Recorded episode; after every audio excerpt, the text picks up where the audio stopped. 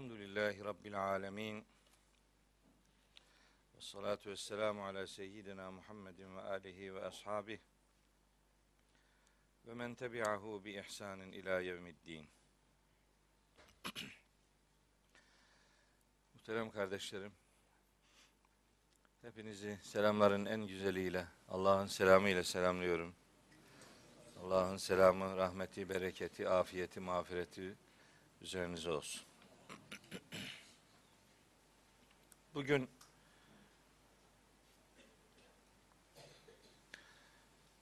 geçen ders bitirdiğimiz Ala suresinden sonra Leyl suresine başlayacağız inşallah. Leyl suresi 21 ayetlik bir sure. Bunu inşallah bir derste bakalım bitirebilir miyiz?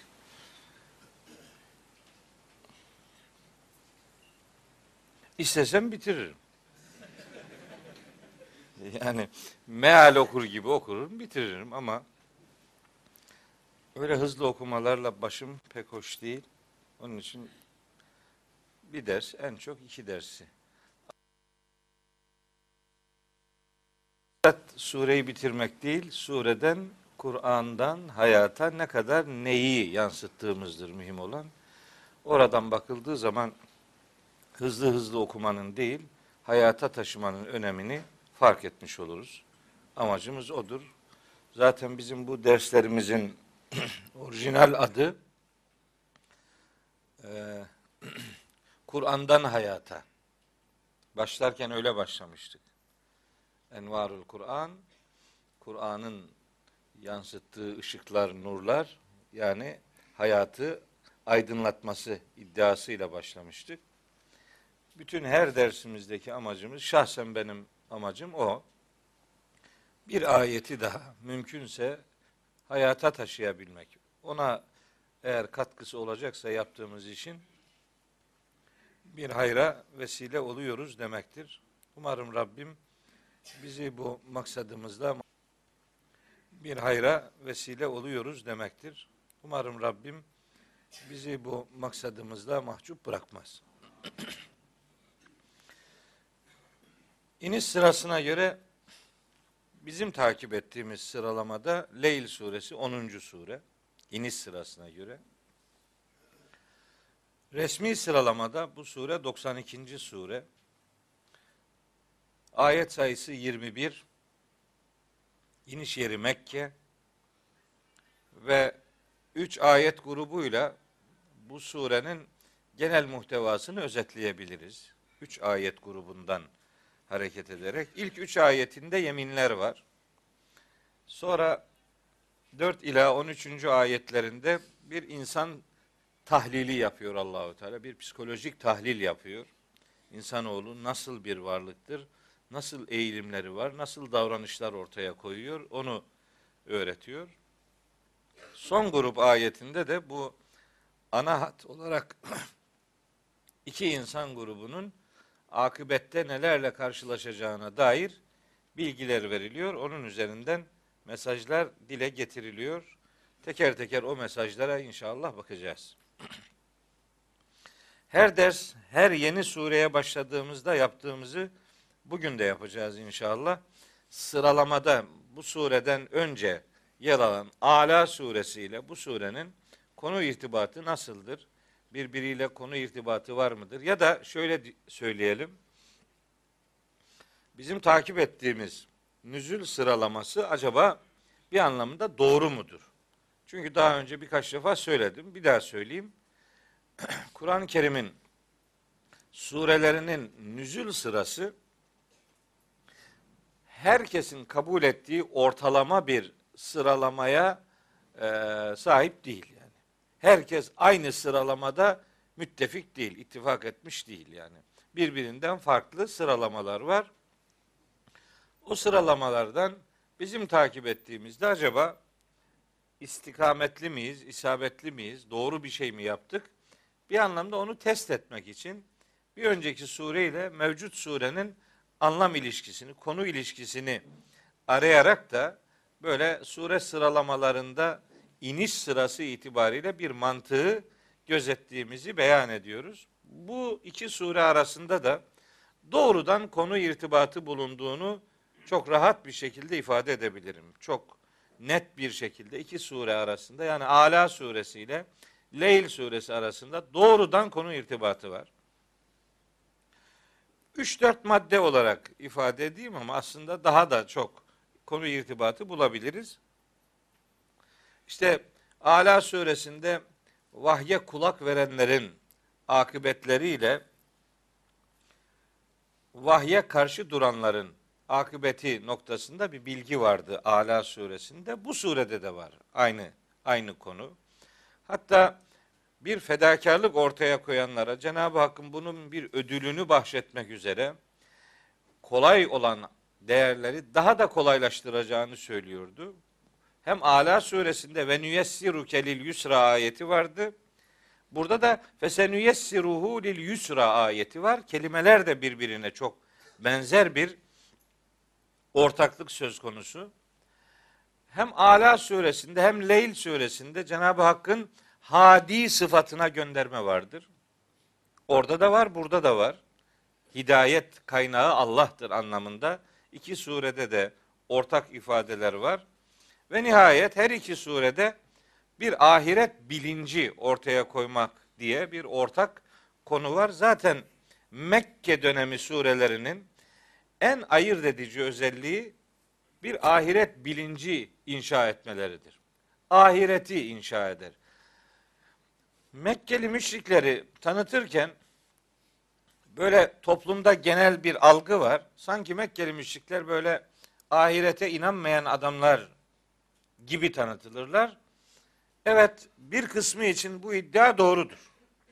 Ahirete inanmayanları var. Bunu söylemek durumundayız. İşte bir ayet söyleyeyim bununla alakalı. Necm suresinin 27. ayeti. İnnellezîne la yu'minûne bil ahireti. Şu adamlar var ki bunlar ahirete iman etmezler. Böyle bir grup var. Ama hepsi böyle değil. Nereden biliyoruz hepsinin böyle olmadığını? Mesela şöyle bir ayet bizim önümüzü açar. Kehif suresi diye bir sure var Kur'an'da. 18. suresi Kur'an'ın. Orada bir müşrik algısı üzerinden bir müşrik tanımı ger- gerçekleştirilir. Orada der ki müşrik adamın sözü olarak iki bahçe sahibinin örneğini verir. Hani olay o kıssa biraz uzun hepsini anlatmayayım. O nankör tip der ki Kale ma ezunnu en tebide hazihi ebeda. Benim bu bahçemin ebedi olarak e, benden kaybolacağını düşünmüyorum yani. Bu ebedidir bu, devamlıdır. Ve ma azunnu saate kaimeten. Bu son saat dediğin şeyin de gerçekleşi, gerçekleşeceğini pek zannetmiyorum. Ama velein rudittu. Eğer Allah'ın huzuruna döndürülürsem, eğer ahiret varsa, mahşer varsa, o zaman da le eciden ne hayren minha munkaleba. Bu dünyadakinden daha hayırlı karşılıklar orada bulacağım. Bunu diyen adam ahirete hiç inanmıyor denebilir mi? Eğer döndürülürsem bundan daha iyi, daha hayırlı karşılıklar bulacağım diyor. Bu onun ahirete belirli belirsiz bir şekilde inandığını ifade eden bir delildir. Kehif suresinin 36, 35 ve 36. ayetleri. Çok benzer bir başka ayet Fussilet suresinde var. İfadeler birbirine çok benziyor. Ve mazun saate kaimeten bu son saatin yaşanacağını pek düşünmüyorum diyor adam. Müşrik adam. Ama veleyin ruci'tu ila rabbi eğer Rabbime döndürülürsem inneli indehu lel husna onun katında buradakinden daha güzel karşılıklar benim için olacak. Buna inanıyorum. Öyle diyor yani. Yok ama varsa buraya göre orada daha güzel karşılıklar bulacağım diyor. Bu da Fussilet suresinin 50. ayeti. Şimdi bunu bir yere bağlayacağım. Sakın ilgisiz şeyler söylüyorum zannetmeyin. Hazırlıyorum e, asıl son söyleyeceğime. Sizi hazırlamaya çalışıyorum. Mesela Casiye suresinin 32. ayeti var. O da bununla alakalı. Buyuruyor ki Rabbimiz ve izâ kîle inne va'dallahi hakkun. Hani bu adamlara Allah'ın vaadi gerçektir dendiği zaman ve saatü la raybe fiha bu son saat var ya onda hiç şüphe yok. Haberiniz olsun dendiği zaman kultum muhataplara diyor ki siz şöyle dediniz. Ma nedri mes saatü. Ya bu son saatte neymiş biz bunu pek anlamıyoruz. İnne zunnu illa zannen. Nihayet bu konuda bir takım zanlarımız var.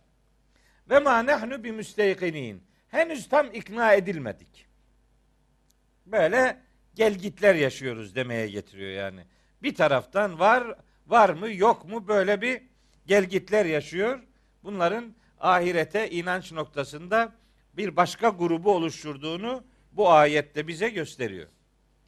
Bir ayet daha var gene bu Casiye suresinde. Bu defa 24. ayet. Derlermiş ki ve kalu Mekkeli müşriklerin bir bölümü.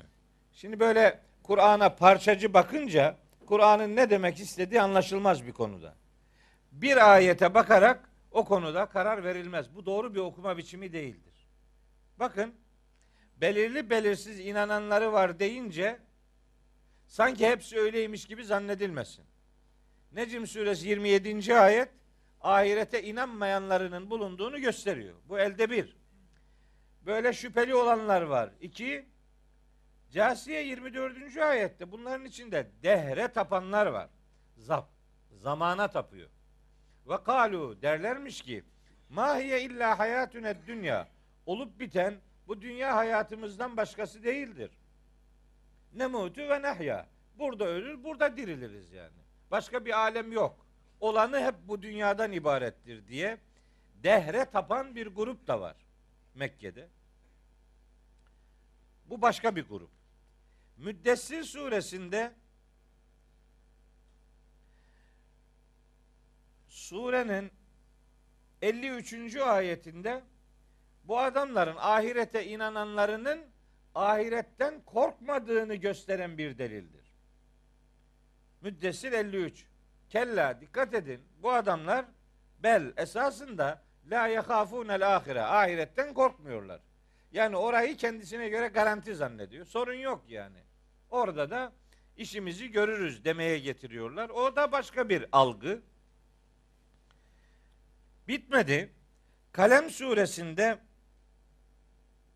şöyle bir iddiaları var ve onları cevaplıyor Cenab-ı Hak. Buyuruyor ki Kalem suresinin 34, 35 ve 36. ayetler. Hatta 37, 38, 39 öyle gidiyor. Hepsini okumayalım. İnne lil muttakine inde rabbihim cennetin naim. Muttakiler için Rablerinin katında nimetlerle dolu cennetler vardır. Efene cealül müslimine kel mücrimin. Ne zannediyorsunuz? Biz Müslümanları mücrimlerle bir mi tutacağız yani? Diyorlar ki eğer ahiret varsa bu dünyadaki Müslümanlar orada en iyi, en kaliteli olanları en çok bize yanaşabilenler olur. Biz orada da daha iyi nimetlerle buluşacağız diyorlar. Burası tamam, orası da tamam. Dünyadaki Müslümanlar en çok bize yaklaşabilirler. Böyle dedikleri için bu ayetler inmiş. Efene calül müslimine kel mücrimin. Ne zannediyorsunuz? Biz Müslümanları suçlularla bir mi tutacağız? Böyle mi algınız var? Emleküm kitabun fihi tedrusun. Yoksa çalışıp durduğunuz bir kitabınız mı var sizin? İnne leküm fihi lema tehayyarun. Tercih ettiğiniz ne varsa size ikram edilecek. Böyle yazan bir kitabınız mı var? Neye göre konuşuyorsunuz böyle? Yani kitaba göre konuşun, kitabına uydurup durmayın demeye getiriyor Allahu Teala. Delilsiz saçma sapan savrup durmayın. Kitabınız yok, deliliniz yok. Aklınıza estiği gibi konuşup durmayın demeye getiriyor. Bir ayet daha var. Casiye suresinin bu defa 21. ayeti. Em hasibellezine citerahus seyyiati en nec'alehum kellezine amenu ve amilus salihati sevaen mahyahum ve mematuhum. Sa'a ma yahkumun. Yani habire kötülük işleyip duran adamları iman edip salih amel işleyenlerle hayatlarını ve ölümlerini bir tutacağız öyle mi zannediyorlar? Ne kadar berbat bir hüküm veriyor bu adamlar. Yani hem bu dünyada küfür içerisinde kendilerince gününü gün edecekler hem ölümleri Müslümanlarla, mümin ve salih amel sahibi olanlarla bir olacak hem ondan sonrası. Yok öyle bir şey diyor Allahu Teala.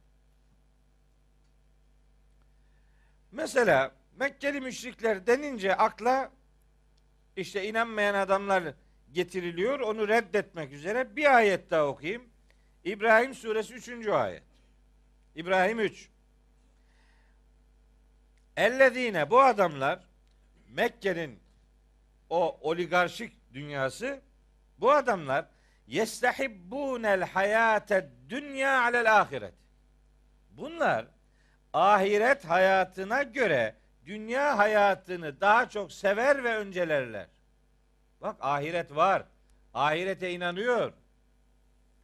Ahirete inanıyor da dünya hayatını ahiretin önüne geçiriyor. Tercih ediyor. Bu İbrahim suresi 3. ayet. Bir tane daha söyleyeyim. Bu defa Nahil suresinin 107. ayeti. Tabi bir grup ayet aradan bir tane okuyoruz mecburen hepsini okuyamıyorum. Zalike bunlara işte ağır büyük bir azap vardır diyor bu inkar edenlere. Niye? Bi ennehum çünkü bunlar istehabbul hayate dünya alel ahireti. Bunlar dünya hayatını ahirete tercih edenlerdir. Yani ahirete göre dünya hayatını önceleyenlerdir. Ve ennallâhe lâ yehdil kavmel kafirin. Bunlar bu haliyle kafirdir ve Allah kafir topluma hidayet etmez diye uyarıyor. Ne dersiniz? Dünyayı ahirete tercihte sadece Mekkeli müşrikler mi kınanıyor? Sadece onlar yapınca Allah bunlara kafir diyor, bunlara ağır bir azap vardır diyor da yani bize aferin mi diyecek? Bizimki bunlarınkinden daha mı ehven yani? Nasıl bir algı aklımıza geliyor? Bizim de ahiret inancımız var. Var da gününün 24 saatinde ahirete yatırım için mi uğraşıyorsun, dünyaya yatırım için mi? Ne olacak yani? Niye üzerimize hiç alınmıyoruz bu ayetleri? Evet bir hastalığımız daha var. Bu ayet beni ilgilendirmiyor. Al buyur. Ya kimi ilgilendiriyor bu? Şimdi benim bir kayınbiraderim var. İlk defa geldi buraya. 39 programın 39.sunda geldi. Ee, bir tane daha var. O her İstanbul'a geldiğinde geliyor yani. Benim ailem beni yalnız bırakmıyor. Onu da ifade etmiş olayım. Şimdi bu bugün ilk defa gelenle zaman zaman konuşuruz biz. 24 saat üzerinden hayatınızın şeyini e, çetelesini tutun. 24 saat yani. Son 24 saatte. Neyi dünya için çok yaptın, neyi ahiret için çok yaptın. Hepsini herkes bilir. Şey değil yani öyle özel bir çetele tutmaya gerek yok. Anlarsın işi canım. Sabah kalkıyorsun 7'de, 7.30'da işine gidiyorsun. İşin eğer helalinden bir rızık temini ise eyvallah ona bir şey demiyorum. Ama o tür gündelik meşguliyetlerinin arasında Allah'ı kaç kere hatırlıyorsun? Bu alışverişi Allah şahittir ve bunun hesabını Allah benden soracaktır diye. Mesela ahireti ve Allah'ın hakkını ne kadar önceliyorsun? Bunu herkes bilir. Evine gıda getirirken, götürürken bu helal mıdır, haram mıdır kaç defa sorguluyorsun? Bunu herkes bilir. Yani ben normal gündelik hayatın içerisinde Allah'ı ne kadar hatırladığımız noktasında çok yayan kaldığımızı biliyorum. İbadet hayatımızda bile Allah'ı maalesef öncelemeyi bir türlü becermiyoruz. Yani namazında Allah'ı hatırlamayan bir tutumumuz var. Namazında ya. Abdest aldı, kıbleye döndü. İşte istikbali kıble. Ellerini kaldırıyor. Allahu Ekber diyor. Subhaneke söylüyor.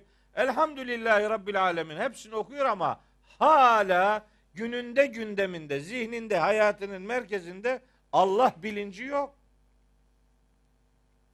Millet ne der korkusuyla mesela bir ibadet duyarlılığı ortaya konuyor. Bu bizde ahiret inancı var. Var da dünya hayatını öncelediğimiz örnekler ahirete göre çok fazla. Gerçekten çok fazla yani. Zannedilmesin ki sadece Mekkeli müşrikler eleştiriliyor da onlar üzerinden verilen mesaj bizi ilgilendirmiyor. Böyle bir algı doğru bir algı değil. Benzerini biz de yapıyorsak akıbet bizi de ilgilendiriyor. Aynı akıbetle biz de buluşacağız. Ayetleri güne getirmeme diye bir hastalığımız var. Ayetleri bize indirmeme diye bir hastalığımız var. Beni ilgilendirmiyor diyor adam. Şimdi bakın ben biliyorsunuz bir tefsir yazmaya çalışıyorum. Ne kadar ne yapacağımız Allah bilir bakalım. Uğraşıyorum. Bu sıralar birkaç gün oldu Kasas suresine başladım. Saffat suresini bitirdim. Kasas suresine başladım. Saffat suresini bitirdim. Hazreti Yunus'u anca anladım. Ancak anladım ya. 50 senedir, 45 senedir ben bu Kur'an'la içli dışlıyım. Fakat hep kenarından geçtik yani. Sormadık soruları. Böyle teğet geçtik. Hani yazınca şimdi yazınca bundan başkaları da istifade edecek. O zaman çok doğru şeyler yazmalıyım kaygısıyla. Yeniden oturup yazınca bu defa bu ayet bana ne demek istiyor sorusunu sorup ona göre bir mesai ortaya koyuyorum. Saffat suresini anca öğrendim. Şimdi de Kasas suresiyle meşgulüm. Kasas suresini okurken birkaç gündür böyle beynim adeta zonklayarak çalışıyorum. Böyle gece saat 2'de, 3'te, 4'te, 5'te böyle harika zamanlardır o zamanlar. Böyle tam bilincin, zihnin berrak olduğu zamanlar. Dedim ki kendi kendime. Ya bu ayetler bize ne diyor acaba? Bu Kasas suresinin üçüncü ayeti var dedim kendi kendime. Da diyor ki Allahu Teala bak peygamberimize netlu aleyke min nebe'i Musa ve Firavun bil hakkı li kavmin yu'minun. Biz Musa ve Firavun'un haberinden bir bölümünü sana aktarıyoruz. Sana aktarıyoruz. Bu sana aktarıyoruz ifadesi sanki bu kıssa Hazreti Peygamber'e lazım, başkasına lazım değil gibi algılanıyor. Halbuki ayetin sonunda diyor ki li kavmin yu'minune. İman eden bilinçli müminler için bunu anlatıyoruz. Senin üzerinden onlara anlatıyoruz. Bize anlatıyor yani demek ki. Evet, ilk muhatap Hazreti Peygamber netlu aleyke sana aktarıyoruz diyor ama ayetin sonunda da diyor ki li kavmin yu'minune iman eden bir toplum oluşturmak için bunu anlatıyoruz. Yani bu ayet senin hayatına insin. Bizim hayatımıza insin. Bize bir şey diyor Allahu Teala. Sonra dördüncü ayete baktım ki acaba ne diyor? Bu şimdi bana ne diyor? Bana ne kıssadan? Bana bir şey demiyorsa bu beni ilgilendirmiyor demektir. Ama bizi ilgilendirdiğini söylüyor. İman ediyorsanız bu sizi ilgilendiriyor demek istiyor Allahu Teala. Siz Kur'an'dan beslenmeye bakacaksınız. Hayatınızı Kur'an inşa edecek. Buna mecbursunuz. Başka şeyleri öncelerseniz dünyayı ahirete tercih eden adam konumuna gelirsiniz. Böyle bir hakkınız, böyle bir lüksünüz yok. Diyor ki bakın. Tam da bugün bütün Müslümanların öyle ya da böyle içinde bulunması lazım gelen bir duyarlılık üzerinden konuşuyor Rabbimiz. İnne firavune bu firavun var ya ala fil ardı ülkesinde baskı uyguladı. Ve ceale ehleha şiyan ahalisini gruplara böldü. Böylece yested'ifu taifeten minhum her bir grubu zayıf düşürdü. Sonra yüzebbihu ebnahum erkek çocuklarını öldürttü ve yestahyi nisahum kızlarını sağ bıraktı. Bırakıyordu. İnnehu kâne minel müfsidin. Bu adam toplumu fesada uğratanlardan biriydi. Kimdi bu adam? Firavun. ne yapmış? Ülkesinde bir baskı uygulamış. Ahaliyi gruplara bölmüş. Böylece her bir grubu zayıf düşürmüş. Sonra da istediğini öldürmüş, istediğini yaşatmış. Neyi anlatıyor bu? Hz. Musa döneminde Firavun'un İsrailoğullarına yaptığından söz ederek bir hikaye mi anlatıyor? Yoksa Firavunluk yapmayın, birileri sizi bölüp parçalamasın, zayıf kalırsınız, sonra çoluk çocuğunuzu elinizden alır, öldürür, perişan eder. Şimdi bugün anlatmıyor mu bu ayet? Aynısını anlatmıyor mu? Aynen bugün böyle olmadı mı bu? Biz neden Kur'an kıssalarını hikaye masal gibi okuyoruz? Buradan hayata sonuç çıkartacaksınız. Ben işte Twitter'da paylaşıyorum. Diyorum ki bölünüp parçalanmak Firavun ahlakıdır. Firavun'un ahlakına hizmet etmektir. Hocam biraz sert olmuyor mu? Hiç sert değil. E öyle söylüyor ayet. Seni ilgilendiriyor, beni ilgilendiriyor. Ümmetin hastalığı bu. Buna buna prim vermemesi lazım Müslümanların. Belki 40 defa söyledim. Bir daha söyleyeyim. Benim de bir mezhebim var. Yani diyelim ki itikatta coğrafik olarak hepimiz ehli sünnetiz. Coğrafik bir tanım bu. Anadolu Müslümanlarının önemli bir bölümü ameli mezhep olarak Hanefidir. Bizimki de öyledir. Ama bir adam mezhepli olabileceği sınırı iyi tutturmaz da mezhepçi olursa işte bugün Orta Doğu'da yaşanan felaketler kaçınılmaz olur. Çünkü mezhepçi olduğunuz zaman öbürünü ötekileştiriyorsunuz. Ötekileştirdiğin adamın dinsiz olduğuna hükmediyorsun. Bu adam mürtettir diyorsun. Mürtedin katli vaciptir. Buyur. Sonra diyorsun ki efendim işit niye böyle vuruyor? Aynı kaynaktan besleniyorsun. Aynısını yapıyorsun sen. Aynısını.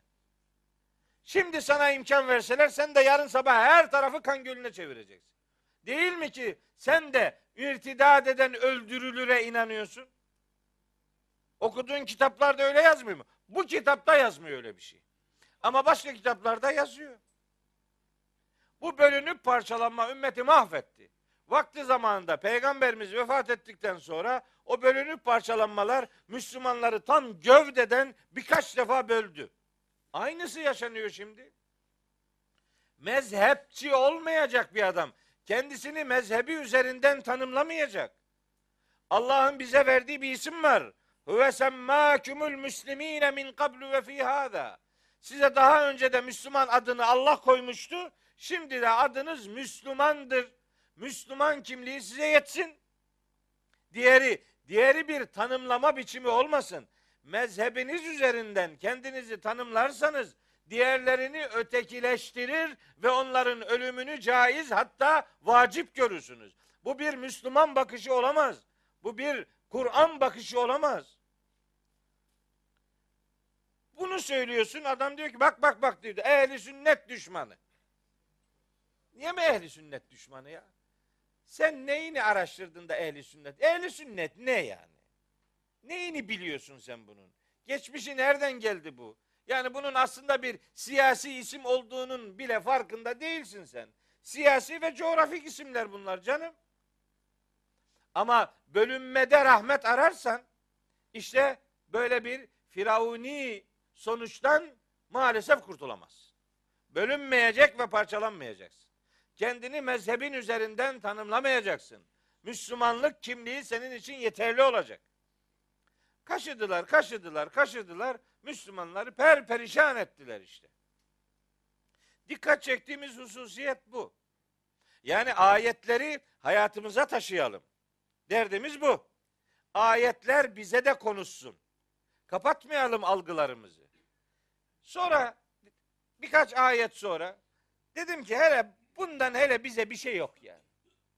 Hele ki burası bizi anlatmıyor dedim kendi kendime. Neresi anlatmıyor? İşte 7. ayet Kasas suresi. Şimdi Kasas suresinin 28 ayetini yaptım. Acayip iyi biliyorum bu 28 ayeti. En taze yani. Böyle her kelimesiyle Böyle saatlerce uğraşmışım. Gayet iyi biliyorum elhamdülillah. Şimdi orada bir ayet var. Yedinci ayet. Ve evhayna ila ummi Musa en erdi'ihi. Biz Musa'nın annesine vahyettik ki Musa'yı emzir. E bu annelerin işi. Annelerin işi ise burası kadınları ilgilendiriyor demek ki. Bizi ilgi bir erkek olarak düşününce tamam bizi ilgilendirmiyor ama eşini ilgilendiriyor. Kızını, anneni ilgilendiriyor bu. Toplumun kahır ekseriyetini ilgilendiriyor. Fakat sonra bir cümle var. Hiç de tarihe gömülecek bir cümle değil. Diyor ki bakın. Feyza khifti aleyhi. Hazreti Musa'nın annesine diyor Allahu Teala. Sen bu çocukla alakalı bir korkuya kapıldığın zaman çünkü Firavun o zaman erkek çocuklarını öldürtüyordu. Şimdi bu çocuk yeni doğdu. Bunun erkek olduğu fark edilirse alacak bunu Firavun ve onu da öldürtecek. Belli. Korktuğun zaman felkihi fil yemmi. Bu çocuğu nehre at. Şimdi bak düşünecek bir Müslüman. Hazreti Musa'nın annesine Allahu Teala çocuğu sandığa koy. O sandık kısmı şeyde anlatılıyor. Taha suresi 38-39'da anlatılıyor. İki yerde anlatılır bu olay. Çocuğu sandığa koy nehre bırak. Bırakır mısın? Bırakabilir misin? Ya sana bana gelmiyor işte bu. Güzel oluyor. Eskiden böyle bir şey anlatılıyor. Oldu mu olmadı mı kim bilir filan. Onlar tarihe isimlerini altın harflerle yazdıran kadınlar işte. Böyle kadınlardan söz ediyor. Hani yiğit erkekler yerine sen bırak çocuğu nehre atmayı. Kuruşunu atmıyorsun. Kuruşu kuruşu. Zırnık koklatmıyorsun.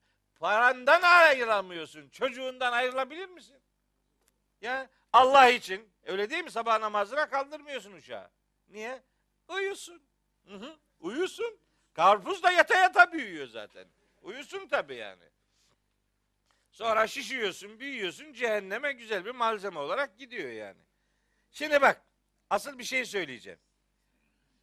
Bakın bakın. Çocuğu sandığın içine koy, nehre at diyor. Ve la tekafi, sakın korkma. Başına bir iş gelir, korkma. Ve la tahzeni, çocuktan ayrıldığın için de hüzünlenme. İnna radduhu ileyki. Çocuğu biz sana gerisin geri vereceğiz ve cailuhu minel murselin ve onu peygamberlerden kılacağız diyor Allahu Teala. Hazreti Musa'nın annesine söylüyor bunu. Fakat bakın anne tabi kolay mı? Kolay mı? Hani herhangi bir çocuktan hiçbir ana baba ayrılmaz. Tabii ki ayrılmaz. Çocuğundan ayrılmanın ne olduğunu ben iyi bilirim. Yani Allah size öyle bir tecrübe yaşatmasın. Bir de hacı var o da iyi bilir. Gayet iyi bilir. O askerde oğlunu kaybetmişti. Allah mekanını cennet etsin. Ben de trafik kazasında oğlumu kaybettim. Dolayısıyla bir evlat acısını böyle yüreğinden iyi tanıyanlardan biriyim. Şimdi bir anne duygusuyla değil elbet. Onu ben hissedemiyorum. Ama Hz. Musa'nın annesini iyi anlıyorum.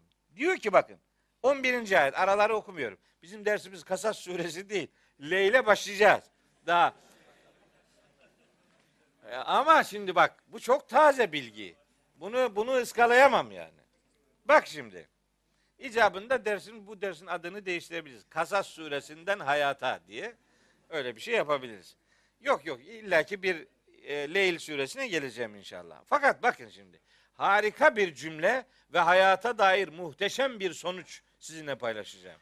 Diyor ki Hazreti Musa'nın annesi Hazreti Musa'nın ablasına ve kalet li uhtihi işte kızı, kız kardeşine Musa'nın kız kardeşine yani biliyor musunuz? Aslında Allahu Teala Hazreti Musa'nın annesinin bu sözünü şöyle bize nakledebilirdi.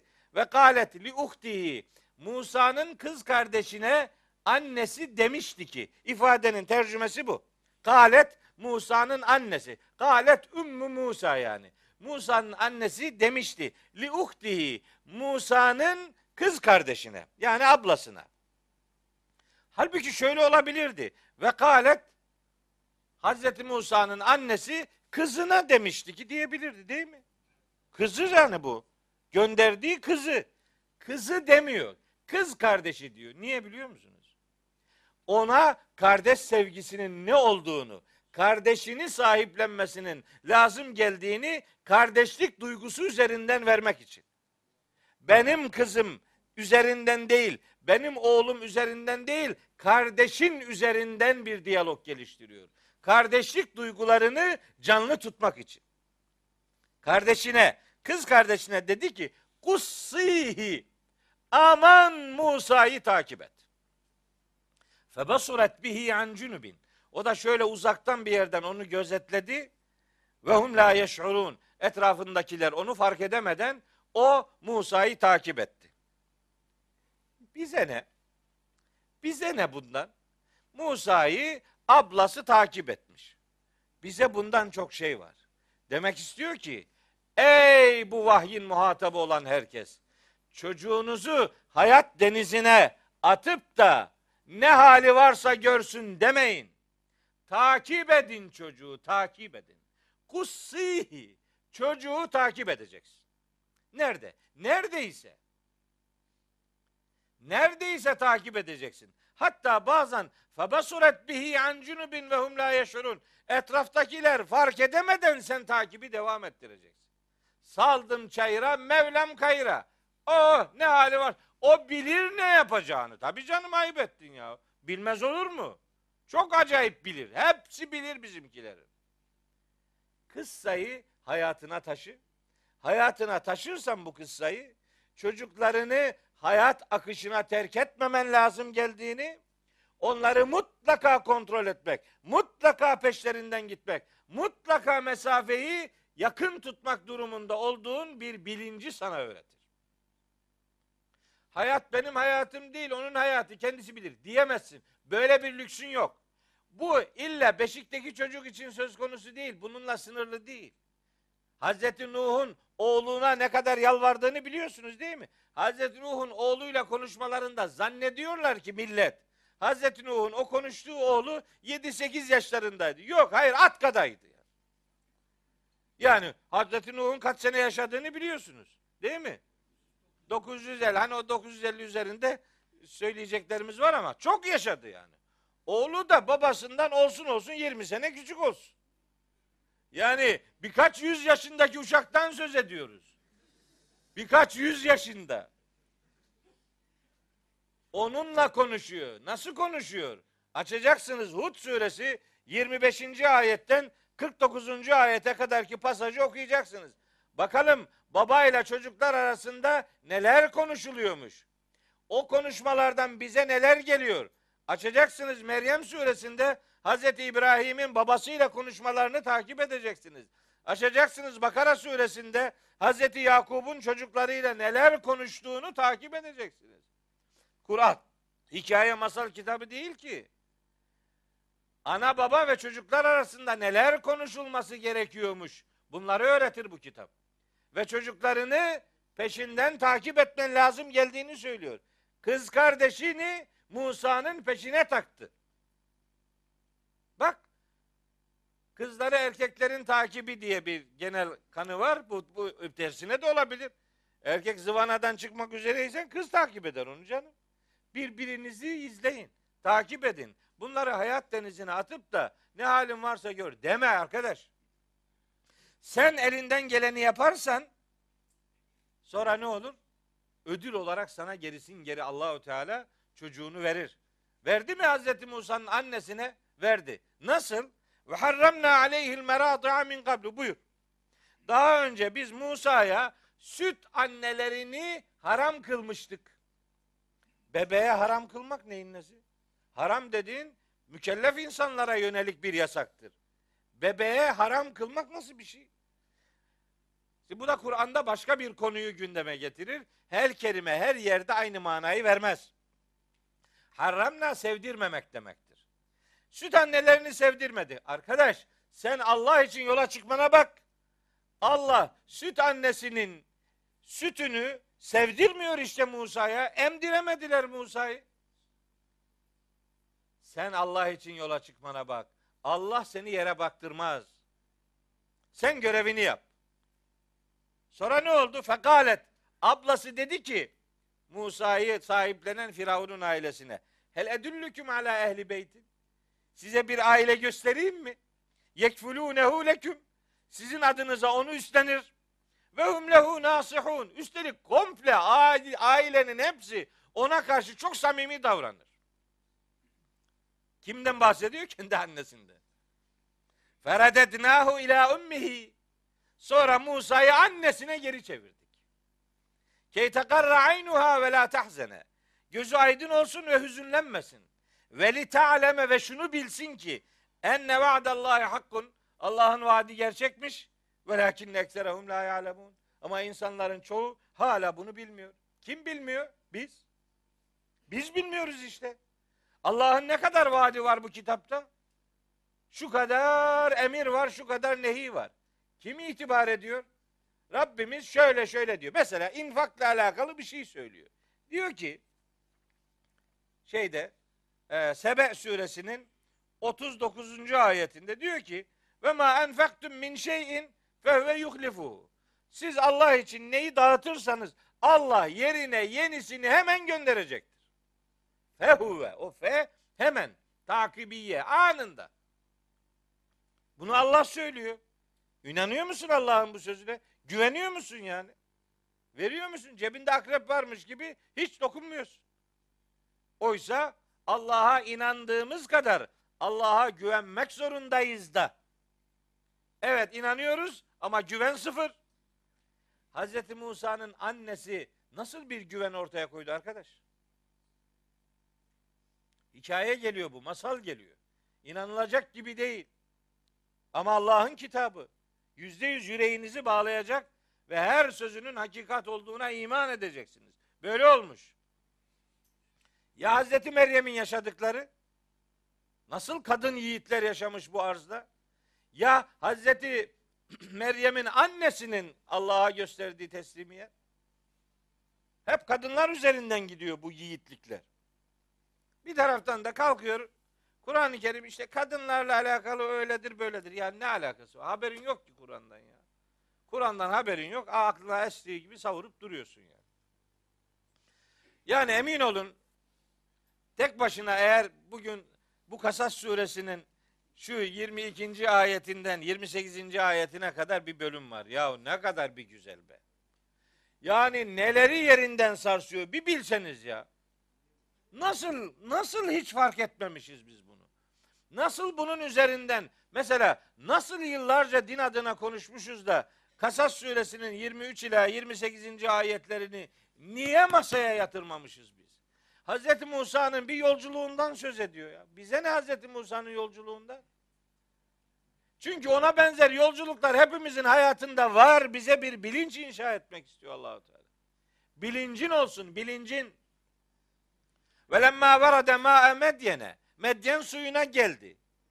Ne güzel böyle hikaye anlatır gibi okuyor adam. Sonuç çıkartmıyor. Bize ne demek istiyorla ilgilenmiyor adam mesela.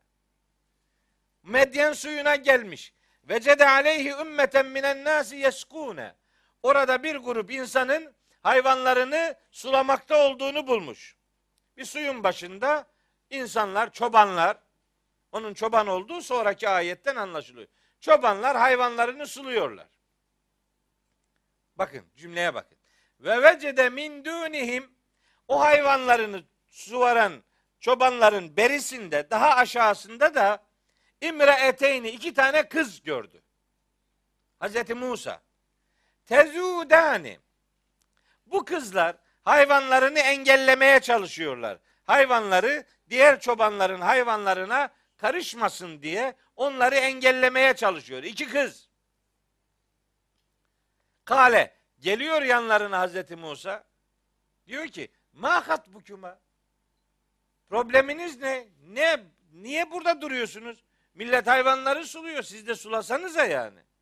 Hani siz buraya onlar için geldiniz. Hayvanlar bırakın hayvanlar su içsinler. Niye engelliyorsunuz? Kızlara soruyor Hazreti Musa. Kale işte sordu. Kaleta kızlar dediler ki La neski sulayamayız biz. Ne zamana kadar? Hatta yusdirar ri'a'u. Bu çobanlar buradan ayrılana kadar. Onlar sulayıp gidene kadar biz sulamıyoruz. Sulamayacağız. La neski, la muzari fiilin başına geldi mi gelecek zaman ifade eder. Bekleyeceğiz. Ve ebuna zaten bizim babamız da şeyhun kebirun çok yaşlı bir adam. Mecburen biz geldik yani diyor kızlar. Yoksa aslında bu iş erkeklerin işi. Ama baba çok yaşlıysa bunu kadınlar da yapar. İşte bunu anlatıyor yani. Aa, Musa kızlarla konuşuyor. Ya gördün mü? Hiç de takva değilmiş. Öyle, öyle diyor ya adam. Böyle de hiç de muttaki değilmiş. Öyle de olur mu? Böyle benim bir, bir şey çok meşhur bir anlatımım var. Neyse şimdi burada oraya girmeyeyim. Hiç de muttaki değilmiş yani. Konuşuyor kızlarla. Ne diyorlar biliyor musunuz? Musa o zaman peygamber değildi. Ah çıkış. Musa peygamber değildi o zaman konuşuyor. İyi ama o kızlar peygamber kızı. Onlar Hazreti Şuayb'ın kızları. Ne yani kaçıyorsun gerçekten ya? Nedir derdin ne yani? Fesaka lehuma Hazreti Musa o kızlar adına hayvanları suluyor. Sümme tevella ila zilli. Sonra böyle bir gölgeliğe çekiliyor. Fekale dua ediyor. Diyor ki Rabbi ey Rabbim inni lima enzelte ileyye min hayrin fakirun. Ya Rabbi şimdi bana indirebileceğin, gönderebileceğin her hayra muhtaç. Çünkü Hz. Musa Mısır'ı terk etti, kaçtı. O bir yolculuk. Kaçtı. Ne yaptı? İki kişi kavga ediyordu. Kendi tarafından olan yardım istedi. O da adamı böyle itekledi. Onun da düşüp öleceği tuttu ya. Yani böyle itekledi. Bu şimdi itekledi fevekeze vekeze parmaklarıyla iteklemek demek. Bizimki ne yazıyor biliyor musun? Yumruk attı. Ya yumruk attı. Adamı parçaladı kafasını gözünü yani. Öyle yumruk değil. Bir yumruk atmaz. Hani kavga ediyorlardı şöyle itekledi. Hatta böyle üç parmağıyla iteklemek. Ve keze o yani. İtekledi ay adamın ayağı takıldı düştü. Kafası vurdu yere öldü vatandaş. Ondan sonra başka diyaloglar var şimdi yok. 14. ayetten 21. ayete kadar da orayı anlatıyor. O da başka bir şey yani. Harika bir sure bu Kasas suresi ya. Herkesin hayatından bir sürü kesitler var burada. Hangi birini anlatayım? Ama neyse oradan kaçıyor. Bak size bir şey daha söyleyeyim. Bu derslerde sıra Yasin'e ne zaman gelir bilmem. Yani kolayına Yasin'i bulacağımızı pek düşünmüyorum ben. O Yasin'de de bir de burada iki yerde geçen bir ifade var. Hani tarihe not düşelim. İki yerde. Yasin 20'de ve Kasas 20'de. İkisi de surelerin 20. ayetinde geçen Aksal Medine diye bir ifade var. Ve ca'e yani Yasin'de şöyle geçiyor. Ve ca'e min aksal medineti raculun yes'a. Orada öyle geçiyor. Burada da ve ca'e raculun min aksal medineti yes'a. Racül kelimesi yer değiştirmiş iki yerde. Bunu tercüme ederken nasıl diyorlar biliyor musunuz? Şehrin ta öte ucundan biri koşarak geldi. Öyle anlatıyorlar. Peki hadi diyelim geldi şehrin ta öte ucundan geldi. Ne dedi? Buradaki olayı söylüyorum. Yasin'dekini değil buradakini. Ne dedi? Kale dedi ki adam o şehrin ta öte ucundan geldi dedi ki ya Musa ey Musa innel mele'e yöneticiler ye'temirune bike seninle ilgili gizli özel bir toplantı yapıyorlar. Seninle ilgili yöneticiler gizli bir toplantı yapıyorlar. Liyaktuluke seni öldürme kararı alıyorlar. Fakruc çabuk çık buradan inni leke minen nasihin. Bak ben sana öğüt veriyor, samimi davranıyorum. Şehrin öte ucuna siz şimdi Ankara'da ne toplantısı yapıldığını bilir misiniz? Özel yani basından duyarsan duyarsın. İçeriğini gene bilmezsin. İlan ederlerse eyvallah. Yoksa bilme imkanı yok. Kim bilir? O toplantıya kim katıldıysa o bilir.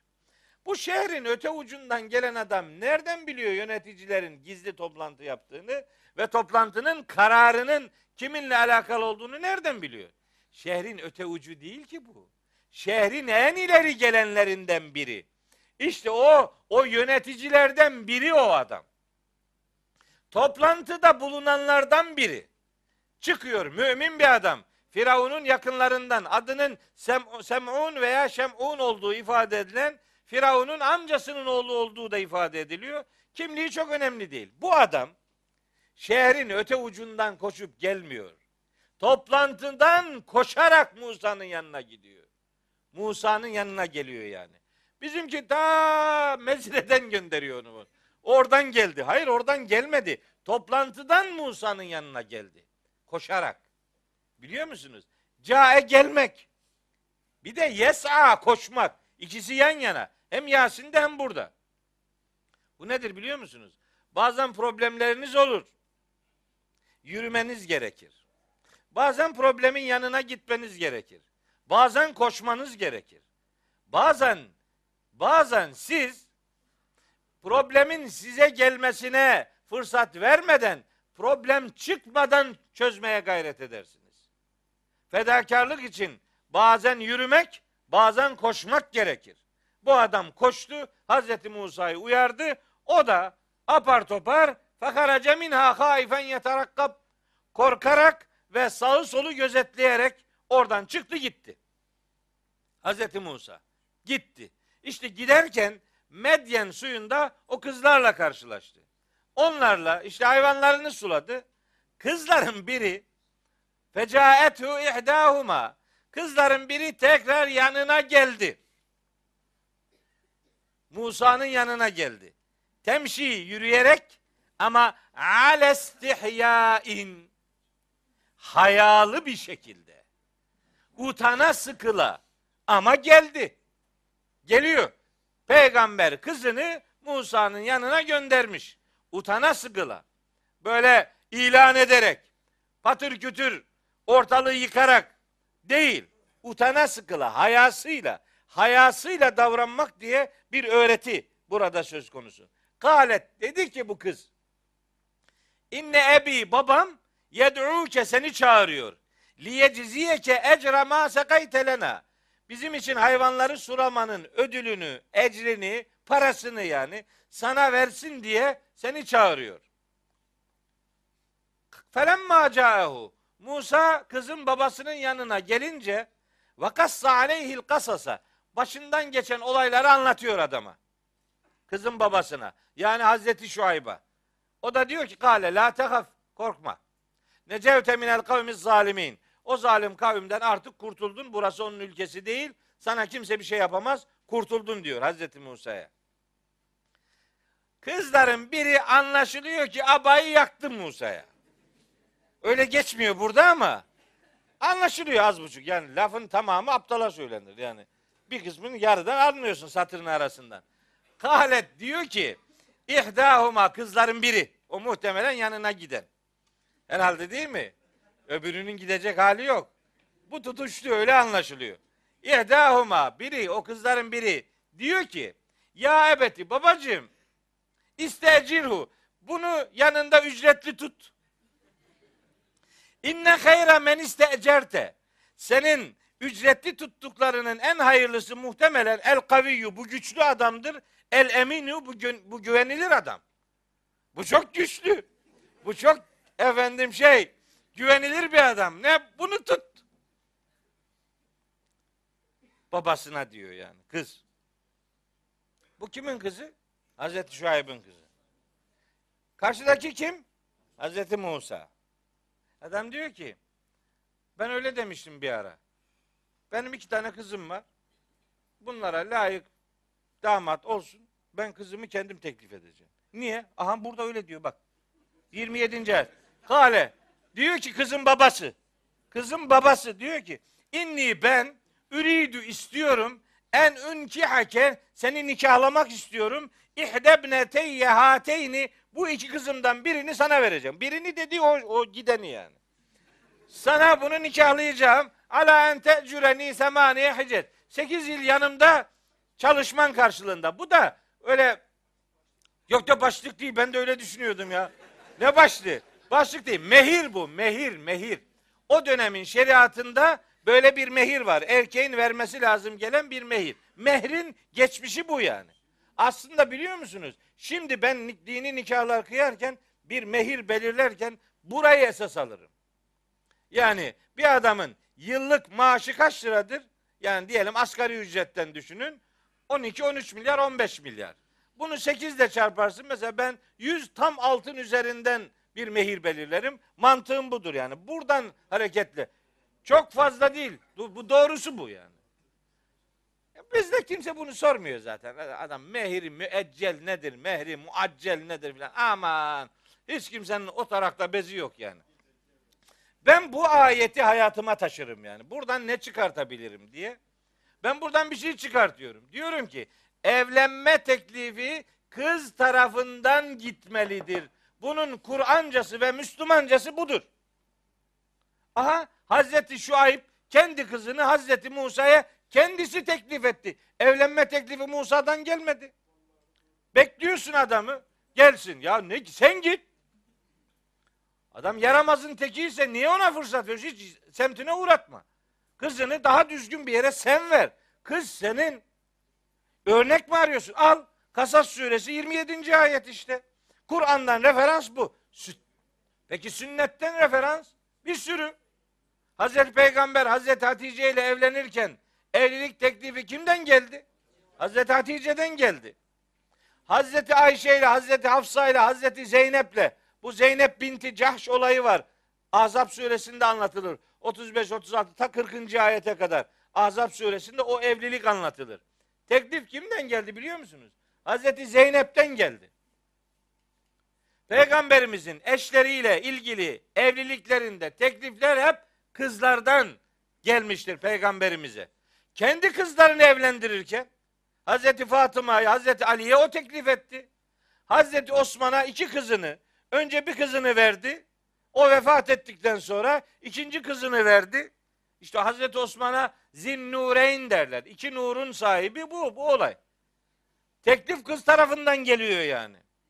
Şimdi biz ne? Hele şimdi bizim Trabzon'da. Bizim oralarda, Rize'de yani.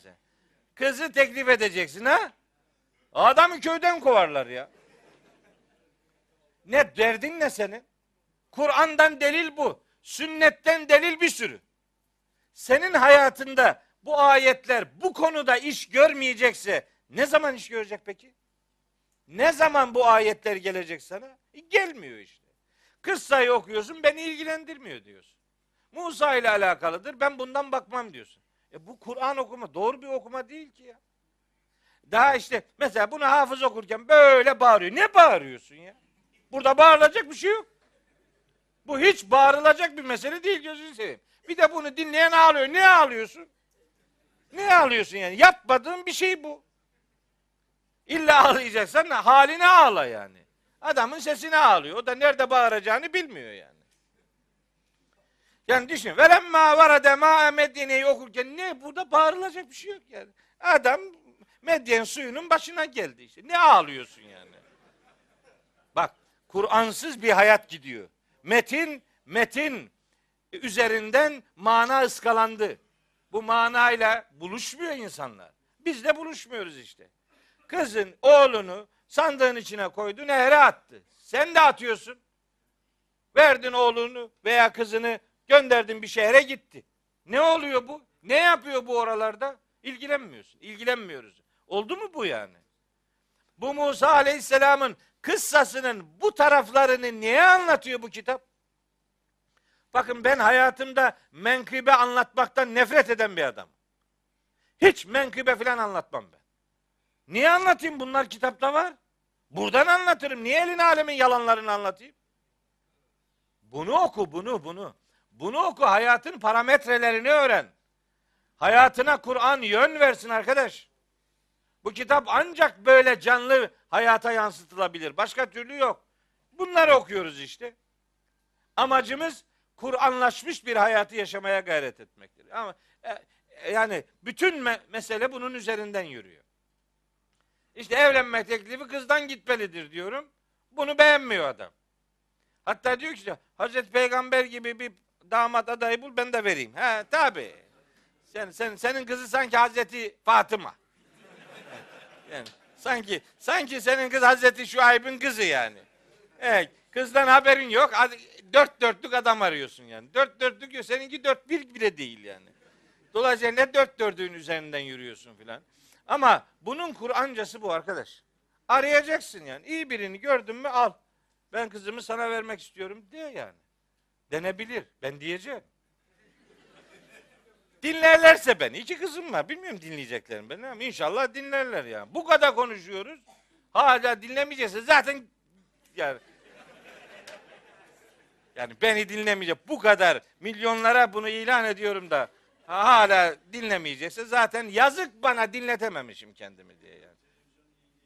Bir Kim izlese izlesin. Yengeyi de ben öyle aldım biliyor musun sen? Benim yengeyle evliliğim böyle tam bir roman. Tamam mı? Umre'ye gittim. Anlatayım onu size. Öyle, bu, bu ders öyle gitti artık ya. Umre'ye gittim. Beş dakikada özetleyeyim. Umre'ye gittim ama diyecekler ki bak bu da hurafeci, bid'atçı diyecekler ama yani ne de o zaten ne olsa diyorlar. Yani onların ağzı torba değil ki büzesin. O a- aslında hiç olmazsa dediğim üzerinden konuşsun da iftira atmasınlar yani. Gittik Umre'ye. Umre'ye gittim. Herkes tavaf ediyor, ağlıyor filan. 1988 yılında fakültede asistan olmuşum. 1987'de ilahiyatı birinci bitirmişim. Böyle bir havalıyım. Hiç kimseyi beğenmiyorum. Hiç kimsenin hiçbir şeyiyle ilgilenmiyorum. Sanki yeryüzünün tek adamı benim. Hiç kimseye itibar etmiyorum. Rahmetlik babama gelip diyorlar bizim kızı senin oğluna verelim filan diye. Yok yok lan hiç. Mektup yazanlar var filan. Hiç kimseyi beğenmiyorum. Ne? Ne istediğim de belli değil. Yani neyi istiyoruz o da belli değil. Dedim ki ya bu, bu gidişle evlenemeyiz. Umre'ye gittim. Millet tavaf ediyor, ağlıyor. Ben de diyorum ya Rabbi kiminle evleneceğim? O millet tavafta ben şeyi düşünüyorum. Kiminle evleneceğim diye. Orada bakıyorum acaba. Lan nerede burada ne göreceksin orada yani? Bir 24 yaşındayım o zaman. 24-25 yaşlarında. Bir gün sabah namazı cami şey Mescid-i Haram'a gittim.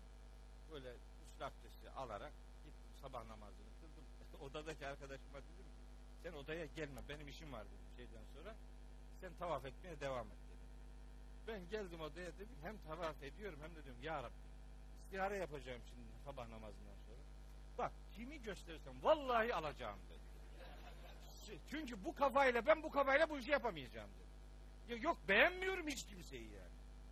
Ya artık son kullanma tarihim doluyor. 25-26 yaşlarına gittim. Gidiyor işte bundan sonra daha zor. Ya yatarım gelirim otele. O da o istiharenin bir şeysi. Ama siz siz olun istihare değil de akıllı hareket edin diyorsa yatağa mahkum olursunuz. 7 gün 17 gün yat dur yani. Ayaktayken hareket etmek daha akıllıca ama ben o zaman öyle yaptım. Rüyamda bu bugünkü hanımı gördüm. Hem de nasıl? Ya diyor bana ki adam rüyamda. Şimdi ben kayınpederin adını söylüyorum. Böyle ünvanı. Herhalde onun Ahmet dayı var ya diyor. Evet. Onun kızı var Fatma. He. Onunla evlenecek. Allah Allah. Herhalde onun Ahmet dayının kızı. Yani benden şu kadar küçük. Aklımın ucundan geçmez. Çok küçük yani. Görüyorum rüyamda. Sokaktan yukarı çıkıyor. Kafasının şurası açık. Rüyamda. Ben de diyorum ki yanımdakine ya bunun kafası açık. Ben böyle başı açık kız almam. Bunun ne bu?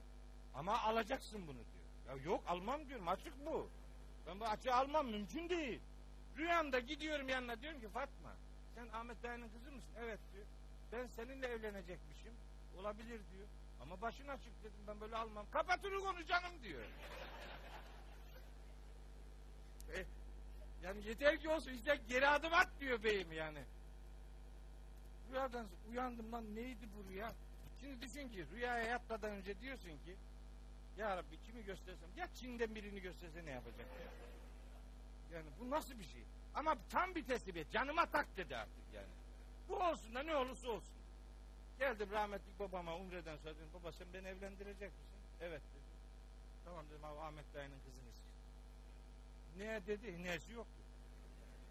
Böyle öyle Kabe'de inşallah kabul etmez dedi. Ama ederse yapacak bir şey yok dedi. Onu dedim yani. Bir girişimde bulunalım. Olmazsa olmasın zararı yok. Hoş aşık olacak, aklımızı kaybedecek durumumuz yok. Zaten tanımıyorum bu kızı. O da Ahmet Dayı'ya dedi. O da hiçbir şey demedi. Lan bir görelim şu kızı dedik. Gittik bir defa gördük. Ona da yani ben diyorum bak ben böyle zor bir adamım. Böyle sıkıntılarım var. Şu önemli değil. Olur dedi. Onlar hallolur. Hallolur. Onunla evlendim. Elhamdülillah. Şimdi yüz kere imkanım olsa gene bu eşimle evlenirdim. Allah'a hamdolsun. Öyle evlendim. Allah'a teslim oldum. Şimdi bunun beriye beriye baktığınız tarafta ne yapacaksınız? E, hayatınıza bir yön vereceksiniz. Değerleriniz olacak yani. Değer tarafından bakacaksınız. O rüyada gördüğüme eğer böyle yaramaz biri olsaydı itibar etmez. Ama baktım ki ahlakı tamam. Düzgün insanlar ne olacakmış? Başka şeyler arıyordum vakti zamanında. Bunların bir anlamı yokmuş. Efendim öyle gitti. Elhamdülillah doğru gitti yani. Ee, ben işte şimdi daha yeni yeni ayetlere bakıyorum. Bu ayetler beni nasıl ilgilendiriyor? Acaba biz bu ayetlerden kendi hayatımıza neyi transfer edebiliriz? Oradan bakınca ayetler emin olun canlanıp konuşuyorlar ama. Canlı canlı sonuç veriyor size. E, anlarsanız böyledir ama. Anlamazsan bir şey yok zaten. Anlamazsan nikah ayetini ağlayarak okursun. Düğüne gidersin cenaze ayetini okursun. Cenazeye gidersin nikah ayetini okursun. Nasıl olsa anlamıyorsun. Sorun değil yani. Biz anlayalım ayetleri. Onun üzerinden Kasas suresi çok ciddi mesajlar içeren harikulade bir suredir. Böyle size bir kardeş nasihati olsun. Gidin bugün Kasas suresinin mü mümkünse bir tefsirden takip edin yani. Bakın neler söylüyor. Nasıl e, şeyleri var, mesajları var. Beni emin olun birkaç gündür diri tutuyor bu sure. Kasas suresi. Sizi de diriltsin, size de istikamet lütfetsin inşallah. Dua ve niyazım budur diye ifade etmiş olayım. Bütün bunları şunun için anlattım. Kur'an hayata yansıtılsın diye okutulur, okunursa doğru okunmuş olur. Maksadım bu benim. Ayetlerin okunmasının hikmeti yaşanmasıdır. Yaşanması ibadettir bu kitabın. Biz yaşanması ibadet olan kitabın okunmasını ibadete indirdik. Şimdi okunması ibadettir. Peki yaşanması? Yaşamıyor. Yaşamıyor. Niye? Anlamıyor ki. Anlamayınca bir şey yok işte böyle gidiyor. Ümmetin hali perperişan. Öyle değil mi? O geçen bir, o bir Suriyeli çocuğun bir şey, sözünü paylaştılar Facebook'ta. Vallahi yüreğim kanadı. Yüreğim kanadı ya. Öleyim. Öleyim. Cennete gideyim. Belki orada yemek yerim. Bir çocuğun feryadının konusuna bak. Bu Müslümanlar infak ayetlerini doğru anlamadığı sürece o çocuğun o feryadı bizim cennete gitmemizi sağlayacak mı? Ne zannediyorsunuz yani? 200'den fazla ayet infaktan söz eder bu kitapta. Bu kitabın o ayetlerini hayatımıza nasıl yansıtabiliriz sorusunu sormak yerine efendim Kur'an-ı Kerim'de çok eşlilik var mı? Tabi ayıp ara var tabi. Sürüse kaç tane istiyorsan alıyorsun. Neden bu ümmetin derdiyle dertlenmiyorsun arkadaş? Neden bir garibin elinden tutmak, bir yüreği yanmış insanın yüreğine su olmak diye bir amacın, bir emelin, bir hedefin, bir ufkun yok? Neden bu kitap senin hayatına bir yön çizmez arkadaş? Çizmiyor. Neden? Anlamıyoruz kitabı. Kitap benim rehberim olsun ve önümde olsun kısmında değiliz maalesef. Biz bu envar Kur'an derslerini bir ayeti olsun hayatımıza taşıma gayretiyle yaptık başta. Bir ayet olsun hayatımıza yansıtsın. Hayata yansıtılmamış ayet sana inmemiş demektir kardeş. Hayatına yansıtmadıysan o ayet sana inmedi. Ümmet hangi davranışın hangi ayetle ilişkili olduğunu bilmiyor ki. Bilmiyor. Dilerim Rabbim şu kitabıyla doğru dürüst konuşabilmekte sizi de bizi de muvaffak kılsın inşallah. Hayatını peygamberlerin hayatını örnek alacak bir duyarlılığa dönüştürenlerden eylesin. Vahyini hayatının ışığı yapan ve hayatının merkezine taşıyan erdemli kulları arasına hepimizi ilhak eylesin. Evet. Şimdi uzun bir girizgahtan sonra sonunda sureye başlamış olayım. Birkaç bir şey söyleyeyim ondan sonra da zaten toparlayacağım. Leyl suresi bir geceden söz eder. Ve leyli idâ yağşa. Ortalığı kapladığı zaman geceye yemin olsun. Ve nehâri idâ tecella. Ağardığı vakit gündüze yemin olsun. Ve ma halaka zekere vel unsa. Erkeği ve dişiyi yaratan o kudrete yemin olsun. Ben yemin ifadeleri Kur'an'da neyi karşılar üzerinden zaman zaman konuşmalar yaptım. Yani Duha suresini işlerken anlatmışımdır. Müddessir suresinin 32. ayetini işlerken mutlaka anlatmışımdır. Kur'an'da yemin ifadeleri var. Bu Kur'an'da bu yemin ifadeleri neyi karşılar? Kur'an'da yemin yemin edilen varlık her ne ise yemin edilen varlık mahşerde şahidiniz olacaktır bilincini vermek için yemin. Yani geceye yemin olsun demek gece şahidiniz olacak demek. Gündüze yemin olsun demek gündüz şahidiniz olacak demek. Ve ma halaka zekere vel unsa erkeği ve dişiyi yaratan kudrete yemin olsun. Yani o kudret Allah'tır. Allah şahidiniz olacak haberiniz. Yoksa yemin ifadeleri rutin yemin cümlelerinden ibaret değil.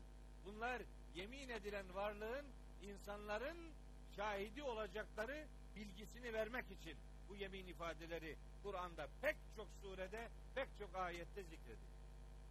Ve leyli idâ yağşa ortalığı kapladığı zaman geceye yemin olsun. Bunun başka versiyonları da var. İşte Şems suresinde ve leyli idâ yağşâhâ diye geçer. Bir de şeyde geçer bu. Araf suresi 54. ayette bir defa yuşil leylen nehare gecenin gündüzü kaplaması diye geçer. Biz bu ayetleri gecenin ortalığı kaplaması diye algıladık. Hep böyle yorumladık. Bunun üzerinden yürüdük. Fakat Allah razı olsun. Şimdi burada e, ille de teşekkür etmem gereken bir hocamız var. Ondan bunu dinleyince ayetin daha doğru, daha farklı bir mesaj verdiğini kavramış olduk. Bayındır Hoca, bu kutuplarda biliyorsunuz namaz vakitleriyle alakalı en hatta tek ciddi iş yapan adam. Yani ben onun o gayretini gerçekten çok takdir ederim. Herkes sıcak yatağında yatarken o bilmem kaç eksi derecelerde oralarda acaba burada buradaki insanlar Allah'a ibadet edeceklerse bunların vakitleri nedirin kaygısıyla hareket eden bir yiğit. O orayla alakalı bir şey anlat. Hatta görüntülerini bizim evde e, böyle beraber seyrettik. Onun o anlatımından sonra bu ayetlerin vermek istediği mesajın orayla da ilgili olduğunu anlamış olduk.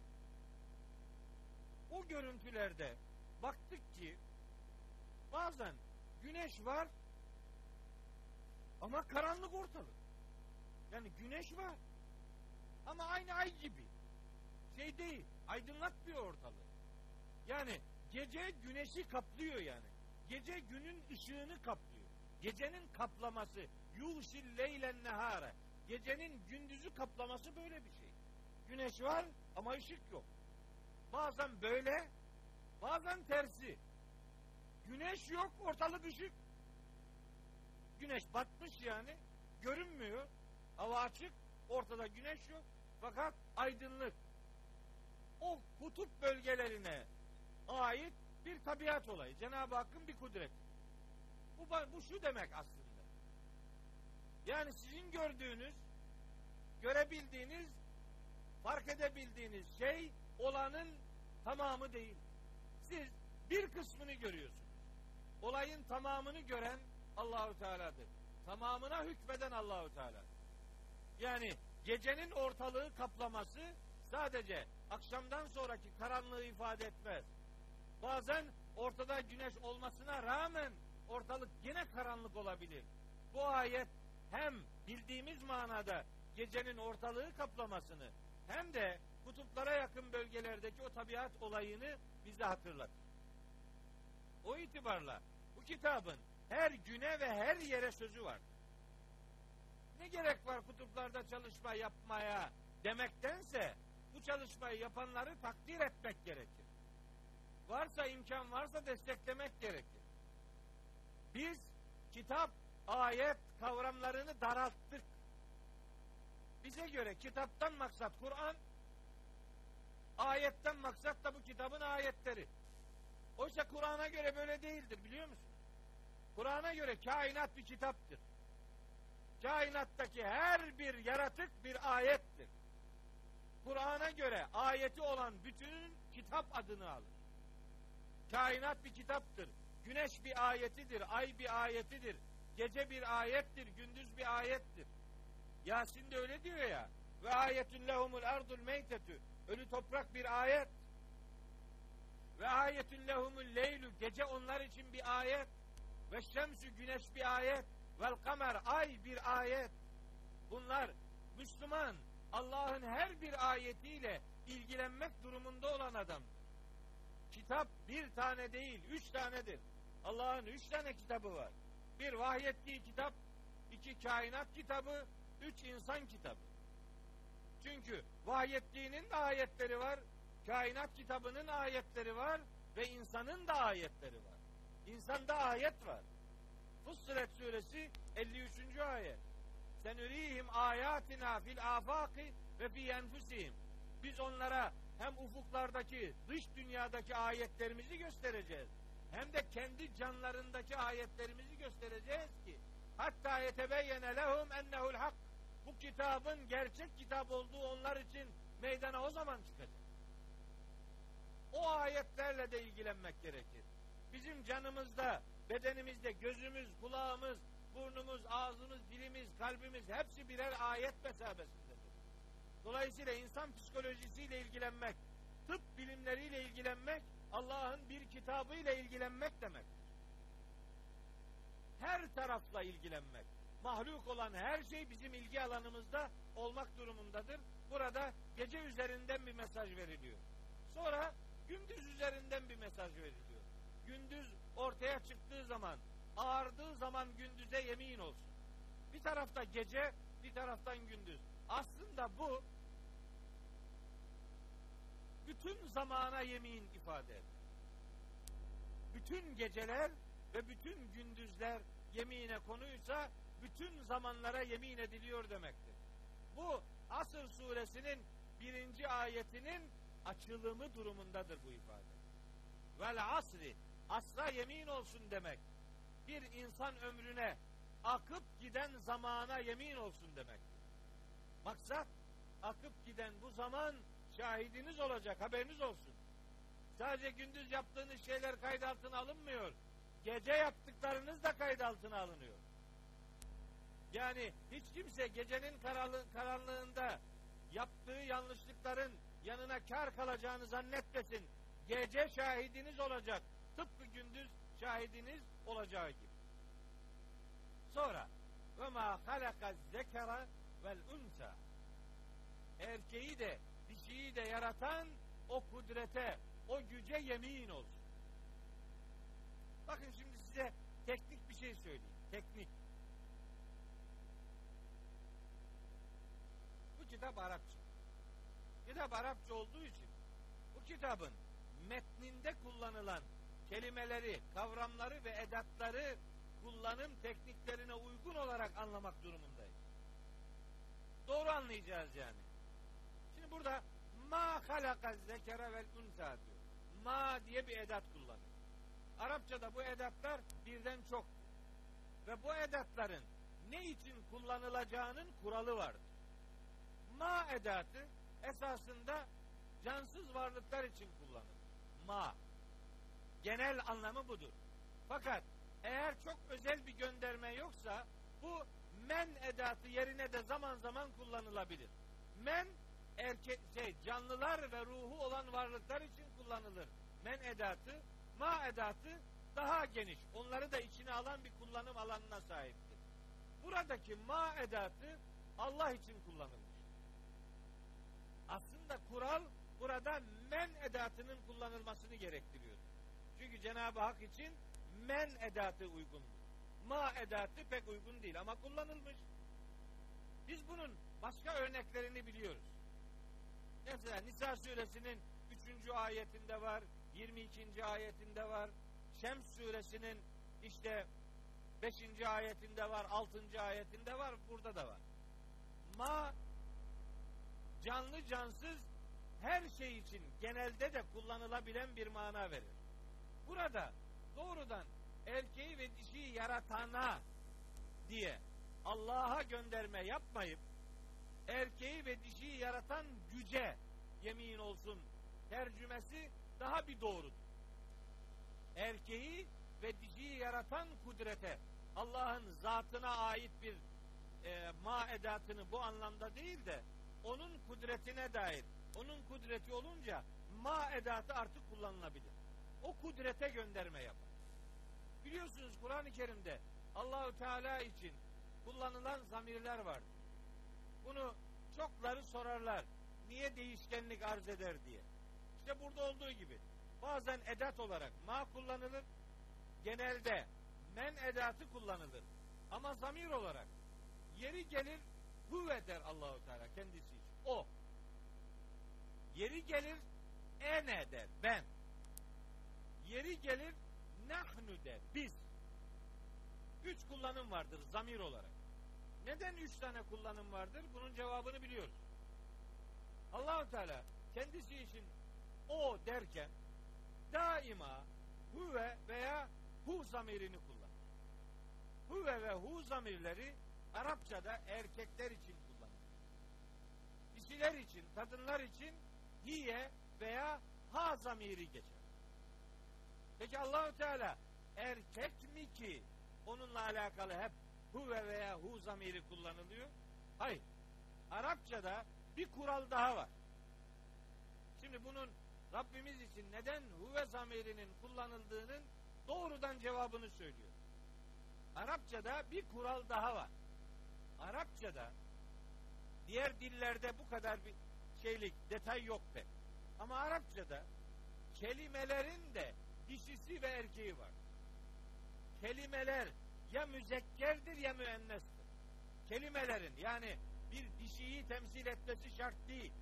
Bir erkeği temsil etmesi şart değil. Kelimenin kendi dizaynı, kendi yapısı itibariyle erkek olanı var, dişi olanı var. Rabbimizin hem Allah sıfat şey ismi hem de sıfatları kelime olarak müzekker kelimeler. Kelime olarak müzekker olduğu için ona ait zamirler hüve gelir. Allah erkek olduğu için değil. Bu detayı din adına, Kur'an adına konuşanların böyle ifadelendirmesi, dillendirmesi gerekir. Kelime müzekker olduğu için zamir müzekker gelir. O kelimenin sahibi olan muhatap erkek olduğu için değil. İnsanlar Allah üzerinden zihinlerinde bir şeyler geliştirdiklerinde Allah'ı erkek bir varlık gibi zannederler. Tam öyle düşünürlerken Cenab-ı Hak zatıyla alakalı bu defa ben de o zamiri birden ben zamirine dönüşür. Ene der yani. Tam ben o birbirini karşılayabilir zihninizde böyle tasarlarken aa bir de bakarsınız ki biz diyor. Bir de biz dediği yerler var. Hem de çok yoğunlukla geçen kullanım örneklerine sahiptir. Biz dediği yerler. Neden Allahu Teala bazen ben der, bazen o der, bazen biz der. Neden? Çünkü Şura suresinin 11. ayeti Rabbimizin hiçbir şeye benzetilmemesi lazım geldiğini öğreten mesajla bize sesleniyor. Neyse kemislihi şey onun benzeri gibi dahi hiçbir şey yok. Ne ki Allah'a benzetiyorsunuz bilin ki Allah o değil. Hatta şöyle bir Arapça metin vardır. Ma hatara bi balik Allahu gayru zalik. Ne ki aklına geliyorsa Allah'la alakalı bil ki Allah onun dışındadır. Ma hatara bi balik bal akıl demek. Ma hatara bi balik aklına her ne geliyorsa Allah'la ilgili Allahu gayru zalik Allah onun dışındadır. Öyleyse Allah'ı hiçbir şeye benzetmemek için bu zamir değişkenlikleri söz konusudur. Bazen o der, bazen ben der, bazen biz der. Allah'ı herhangi bir varlığa benzetmemek durumunda olduğumuzu öğretmektir. Ekstradan Rabbimizin kendisi için neden biz dediğinin cevapları da var. Biz demesinin de ayrıca cevapları var. Bir, Allah'ın azametine, kudretine gönderme yapmak için. Rabbimiz bir kudretin sahibidir. Biz ifadesi kudreti karşılar. Bir ihtimal budur. İkinci ihtimal Allahu Teala insanlara hep ben dememeyi, biz demeyi öğretmek, tevazuyu öğretmek için biz demiş olabilir. Üçüncü ihtimal Allahu Teala insanlara danışmayı, istişareyi, fikir alışverişinde bulunmayı, meşvereyi, şurayı, ortak aklı oluşturma ahlakını kazandırmak için bizler. Bir adamın tek başına karar almamasını, birileriyle onu paylaşarak ortak akıl oluşturma erdemini öğretmek için bizler bu üçüncü gerekçedir. Bir gerekçe daha var, dördüncü gerekçe. O da Rabbimizin ben demeyip biz dediği yerler daima onun yaratma, idare etme, dünyayı ve ahireti şekillendirme noktasında melekleri görevlendirdiği konularda bizde. Meleklerin hangi konularda görevlendirdiyse o konular Allah'ın biz dediği konulardır. Ama hiçbir ayette Cenab-ı Hak bize ibadet edin demez. Ona yönelik hitaplarda ya yani naziklik olsun, nezaket olsun diye Rabbimize yönelik hitaplarda çoğul kullanılmaz. Türkçe'de bu bir nezaket ifadesidir. Sen demezsin, siz dersiniz ama Allah'a yönelik hitaplarda Rabbena gfir, İğfir diye muhatap tekil üzerinden gelir. İğfiru ya Rabbi. Ya Rabbi beni affediniz. Yok. Bu çok acayip kırılır. O olmaz. Bu kibarlıkla alakalı da çok dehşet örnekler var zihnimde. Ama burayı fazla dağıtmayayım. O iş çok kibarlığa gelmez. Cenab-ı Hakk'a hitapta siz çoğul ifadesi kullanılmaz. Yani İyyâke na'budu. Ya Rabbi sadece sana kulluk ederiz. Yani nazik olsun. İyyâküm na'budu yok. Allah'a kullukta çoğul zamir kullanılmaz. Ama Allah'ın kainatı idare edişinde melekleri görevlendirdiği konular çoğul ifadelerin kullanıldığı konulardır. Yani biz peygamber gönderdikler değil mi? Erselna. Enzelna. Gökten indirdik. Emtarna. Yağmur yağdırdık. Halakna. Yarattık. Nümitu. Öldürürüz. Nuhyi. Diriltiriz. Bütün bu ifadeler çoğul gelen bu ifadelerde meleklerin istihdamı söz konusu. Melek istihdamına dikkat çekmek için ben zamirinin yerine zaman zaman biz zamiri de kullanılabilir. Bu bir teknik bir konuydu ama pek çok insanın zihnini karıştırıyor. Mesela bazı ateist siteler Allahu Teala'nın zatıyla alakalı biz dediği yerleri işte kendilerince malzeme ediniyor. Bak bazen o diyor, bazen ben diyor, bazen biz diyor. Sizin tanrınız ne diyeceğine bir türlü karar veremiyor diye alay ediyor.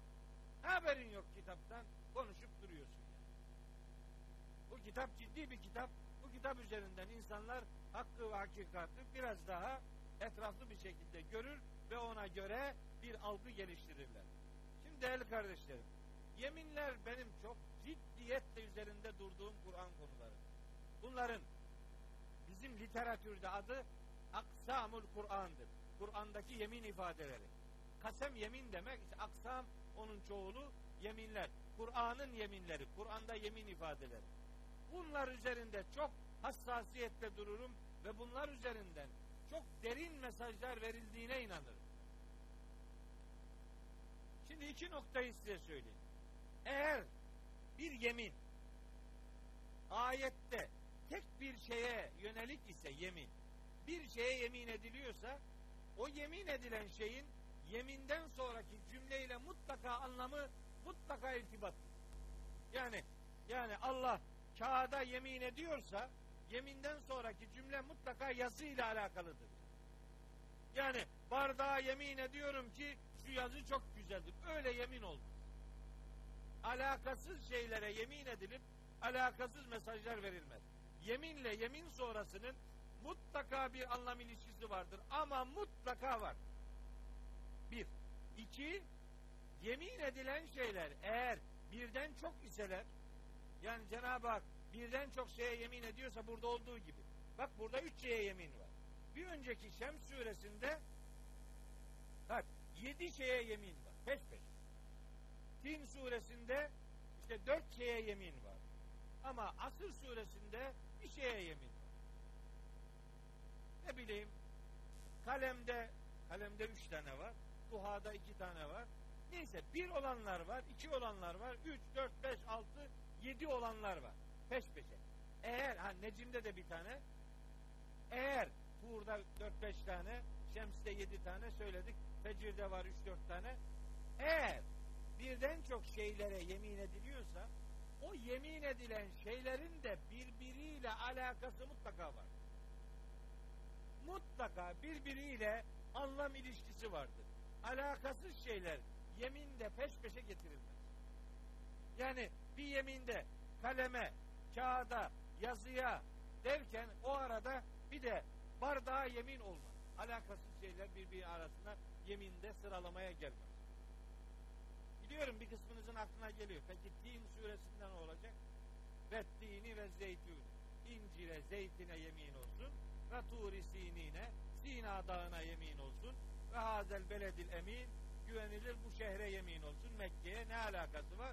Çok alakası var. Öyle incir ve zeytin dersen alakası olmaz tabii. Ama bil ki o incir ve zeytin değil. O incir ve zeytin değil. Hazreti İbrahim'in, Hazreti Nuh'un ve Hazreti e, İsa'nın vahiy aldığı Filistin'de iki bölgenin adıdır. Tin ve Zeyta bölgeleri. Filistin'de Hazreti Nuh, Hazreti İbrahim ve Hazreti İsa'nın vahiy aldığı bölgelerin adıdır. Allah vahyini indirdiği o iki bölgeye yemin ediyor. Üç peygamber üzerinden ve Tur-i Sinin, Sina Dağı Hazreti Musa'nın vahiy aldığı yerdir. Ve hazel beledil emin de Hazreti Peygamber'in vahiy aldığı Mekke'dir. Ülül azim diye peygamberler vardır. Ülül azim peygamberler. Azim sahibi. Beş tanedir bunlar. Hazreti Nuh, Hazreti İbrahim, Hazreti Musa, Hazreti İsa ve Hazreti Muhammed aleyhisselam. Bu beş peygamberin vahiy aldığı dört bölgeye yemin edilir. Dolayısıyla oradaki yeminlerin de kendi arasında bir mantığı vardır. Sakın alakasız şeyler yemine konu ediniliyor zannedilmesin. Adam oradakine incir ve zeytin diyor. Ondan sonra kalkıp da diyor ki adam incirin faziletine dair kitap yazıyor. E incirin fazileti var da yani üzümün yok mu ya? Ne demek yani? Değil mi? Mesela biz burada yemin edecek olsak bizim Anadolu'da veya işte bizim Trabzon'da, Of'ta, Çaykara'da mesela yemin edecekse en iyi yemin edilecek şey mısır ekmeği. Lahanadır yani. Mesela değil mi? Çaydır, fındıktır yani. Yöresel hamsi ya, neyse o hayvan kısmına. Yani onun üzerinden yani böyle meyveleri yarıştırmaya gerek yok. O meyve çok üstün. Rahat suresinin bak böyle düşünene bir, hat, bir, bir tavsiyem olsun. Rahat suresinin dördüncü ayetini bir okusun. Rahat dört bir ayet. Bakalım bu meyveler birbirinden nasıl üstün? Ne, neymiş bu? O bahsi diğer. Peki buradaki yeminin birbiriyle anlam ilişkisi nedir? Çok önemli. Bakın. Ve leyli geceye ve nehari gündüze ve erkeği dişiyi yaratan güce. Yani geceyi yaratan, gündüzü yaratan, erkeği yaratan, dişiyi yaratan aynı kudrettir. Yaratan üzerinden bir anlam ilişkisi kurulur bir. İki, gece ve gündüz tabiattaki aslında çift kutupluluğu temsil eder. Tabiatta, evrende nasıl çift kutupluluk varsa insanoğlunda da erkek ve dişi anlamda iki çiftten söz edilir. Erkek ve dişi. Kainattaki çift kutupluluğun insandaki versiyonu erkek ve dişidir. Orada nasıl böyle bir kutupluluk varsa insanoğlunda da bu vardır. Kainatta evrende bu sistemi yaratan kudret insanoğlunu da erkek ve dişi şeklinde iki cinsiyetin sahibi olarak yaratır. Bu çift kutupluluk noktasında yeminler birbiriyle yakın anlam ilişkisine sahip. Dedim ki geceye yemin, gündüze yemin aslında zamana yemindir. Asra yemindir.